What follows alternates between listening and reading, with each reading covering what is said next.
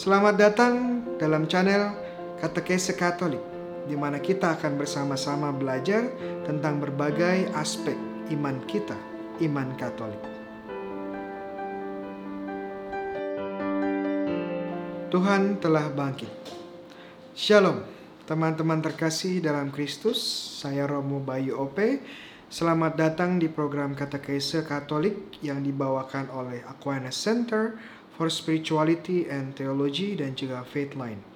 Pada seri katekese pertama ini kita akan bersama-sama belajar tentang pekan suci dan perayaan-perayaan yang menjadi bagian dari pekan suci ini. Episode-episode lalu kita telah belajar bersama tentang Minggu Palma, Kamis Putih dan juga terakhir Jumat Agung. Sekarang kita akan lebih fokus tentang Sabtu Suci dan juga perayaan Malam Paskah. Apa yang menjadi pembeda hari suci dengan hari yang lain dan apa yang membuat perayaan malam Paskah sangat istimewa dan apa saja makna di balik misteri iman ini yang bisa kita pelajari dan hidupi. Setelah pada hari Jumat Agung kita memperingati sengsara dan wafat Tuhan kita Yesus Kristus, Sabtu Suci didedikasikan sebagai hari tenang untuk beristirahat bersama Yesus yang wafat dan terbaring di kuburnya yang gelap. Pada buku kejadian bab 2 ayat 2 dikatakan bahwa Allah beristirahat setelah karya penciptaannya pada hari ketujuh yang adalah hari sabat. Kata sabat sendiri berarti istirahat. Sebagai Allah Bapa beristirahat pada hari ketujuh, Tuhan Yesus juga beristirahat pada hari ketujuh, hari sabat atau hari Sabtu di kuburnya. Tradisi suci dan juga kitab suci mengajarkan bahwa sebagai semua manusia merasakan kematian, Yesus juga mengalami kematian. Dan sebagaimana jiwa yang meninggal akan pergi ke tempat orang mati, demikian juga Yesus datang ke tempat ini. Namun Yesus datang tidak untuk tinggal di sana. Dia datang sebagai penyelamat yang mewartakan kabar gembira bagi jiwa-jiwa yang menantikan keselamatan. Kisah Yesus di dalam alam orang mati tersirat di surat pertama Rasul Petrus bab 3 ayat 18 sampai 19 dikatakan bahwa sebab juga Kristus telah mati sekali untuk segala dosa kita ya yang benar untuk orang-orang yang tidak benar supaya ia membawa kita kepada Allah. Ia telah dibunuh dalam keadaannya sebagai manusia tetapi telah dibangkitkan menurut roh. Dan di dalam roh itu juga ia pergi memberitakan Injil kepada roh-roh yang di dalam penjara. Dan juga pada bab 6 ayat bab 4 ayat 6 di surat yang sama, itulah sebabnya maka Injil telah diberitakan juga kepada orang-orang mati supaya mereka sama seperti semua manusia dihakimi secara badini, tetapi oleh roh dapat hidup menurut kehendak Allah. Menarik bahwa Yesus mewartakan kabar gembira kepada roh di dalam penjara. Siapakah roh-roh ini? Dan tentunya roh ini bukanlah malaikat yang jatuh atau setan karena mereka sudah mendapatkan hukum yang kekal. Dan ini juga bukan jiwa atau roh orang-orang jahat yang menolak secara definitif kasih Allah. Ini adalah jiwa-jiwa orang yang benar yang meninggal sebelum Kristus terpenjara di alam maut dan menantikan Yesus yang akan membukakan gerbang surga bagi mereka. Betul bahwa tubuh Yesus beristirahat di dalam kubur, tetapi jiwanya terus bekerja. Dan misi penyelamatannya tidak terbatas bagi kita yang hidup, tapi juga bagi mereka yang sudah meninggal dan menantikan keselamatan di alam maut. Sekarang mari kita memasuki perayaan puncak dari Triduum Paskah, yakni malam Paskah. Kita sering mendengar kata pasca dan dalam kata kese sebelumnya kata pasca banyak digunakan. Namun kita terkadang belum begitu familiar atau mengerti makna kata ini. Pasca dalam bahasa Inggris adalah Passover. Dalam bahasa Ibrani, Pesach. Yang biasanya diartikan sebagai melewati atau melalui. Passing over. Kata ini mengingat apa yang dilakukan oleh Allah kepada bangsa Mesir saat dia menyelamatkan bangsa Israel. Di kitab Keluaran bab 12 ayat 27 dikatakan, "Maka haruslah kamu berkata, Itulah kurban Paskah bagi Tuhan yang melewati rumah-rumah orang Israel di Mesir ketika ia menulahi orang Mesir, tetapi menyelamatkan rumah-rumah kita.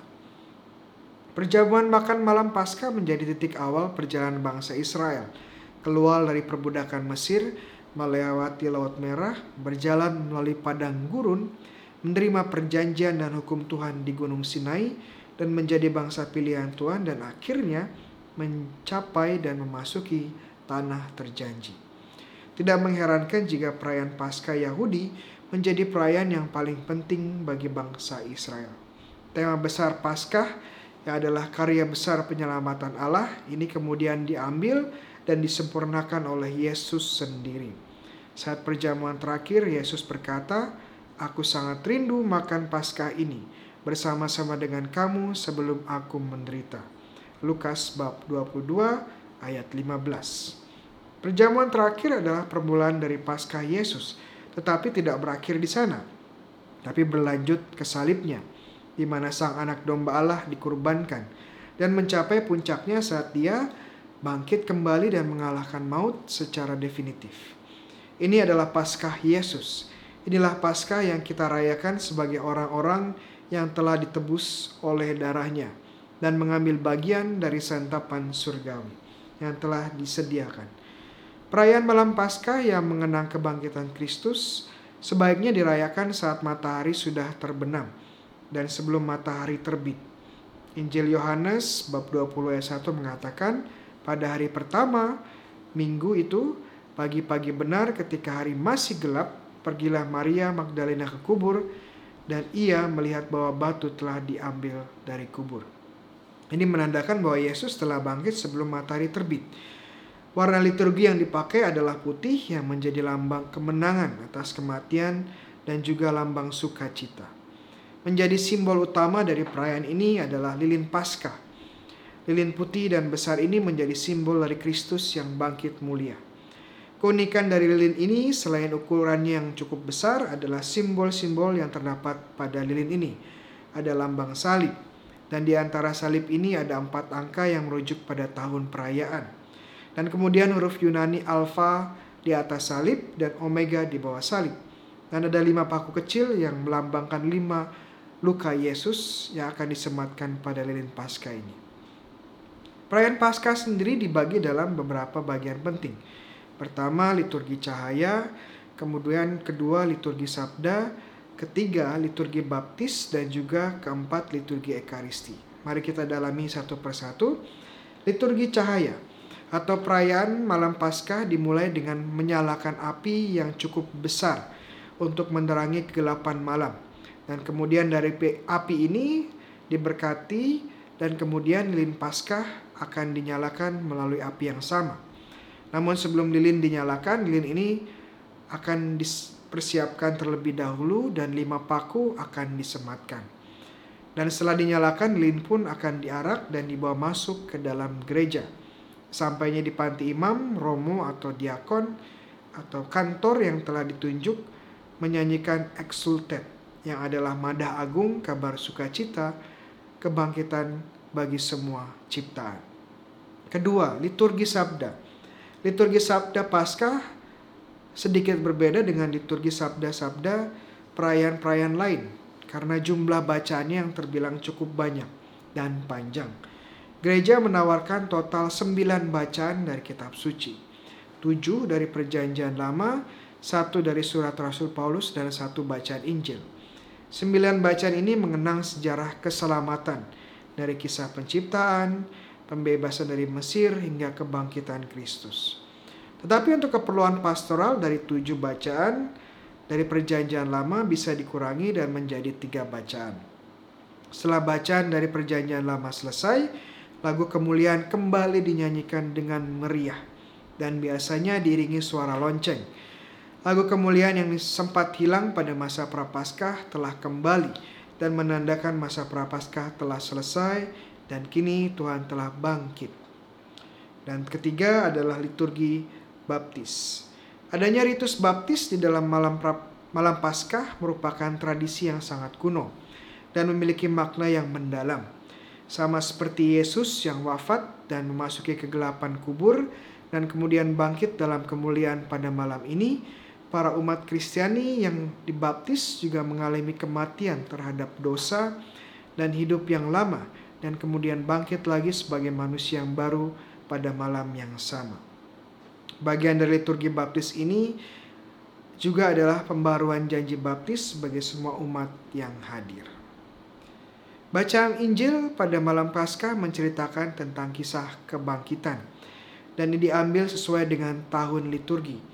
Sebagai contoh sekarang kita berada pada tahun A.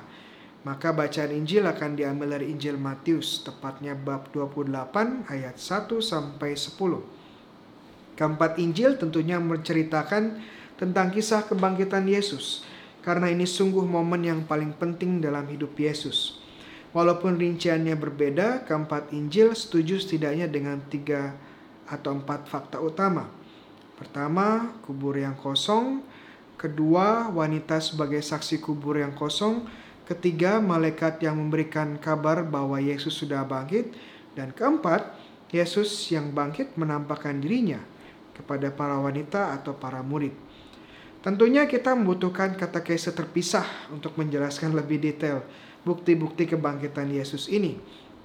Tapi saat ini cukuplah kita mengerti bahwa kubur kosong menandakan bahwa tubuh Yesus telah tidak ada. Dan para wanita menjadi saksi utama dari hal ini.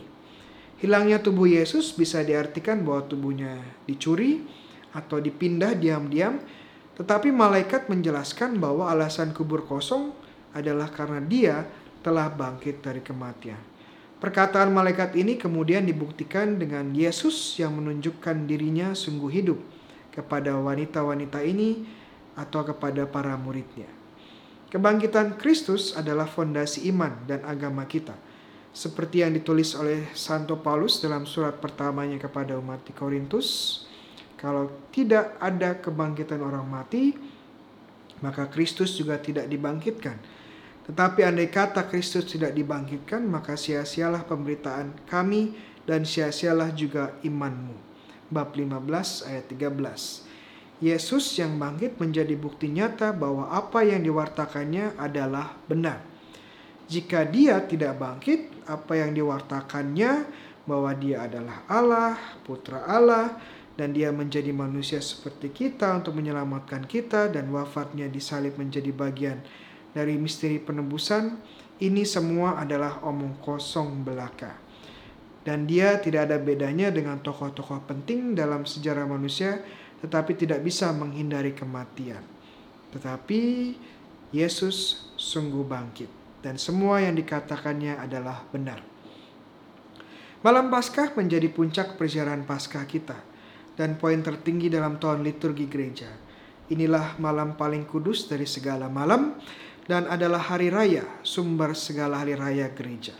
Kita merayakan Kristus yang sungguh bangkit dan mengalahkan maut. Ini adalah misteri ilahi yang menjadi fondasi bagi iman kita dan batu karang keselamatan kita. Selamat Paskah. Sahabat-sahabat yang terkasih, demikian kata kese Katolik kita untuk Sabtu Suci dan Malam Paskah dan juga untuk kata kese seri pertama ini. Jika teman-teman memiliki saran dan pertanyaan bisa langsung ditulis di bagian komen di bawah. Dan jangan lupa untuk like dan juga subscribe YouTube account ini atau channel ini dan follow akun IG kita untuk mendapatkan kata kese kata kese berikutnya. Tuhan sertamu dan semua diberkati oleh Allah yang Maha Kuasa, Bapa dan Putra dan Roh Kudus. Amin.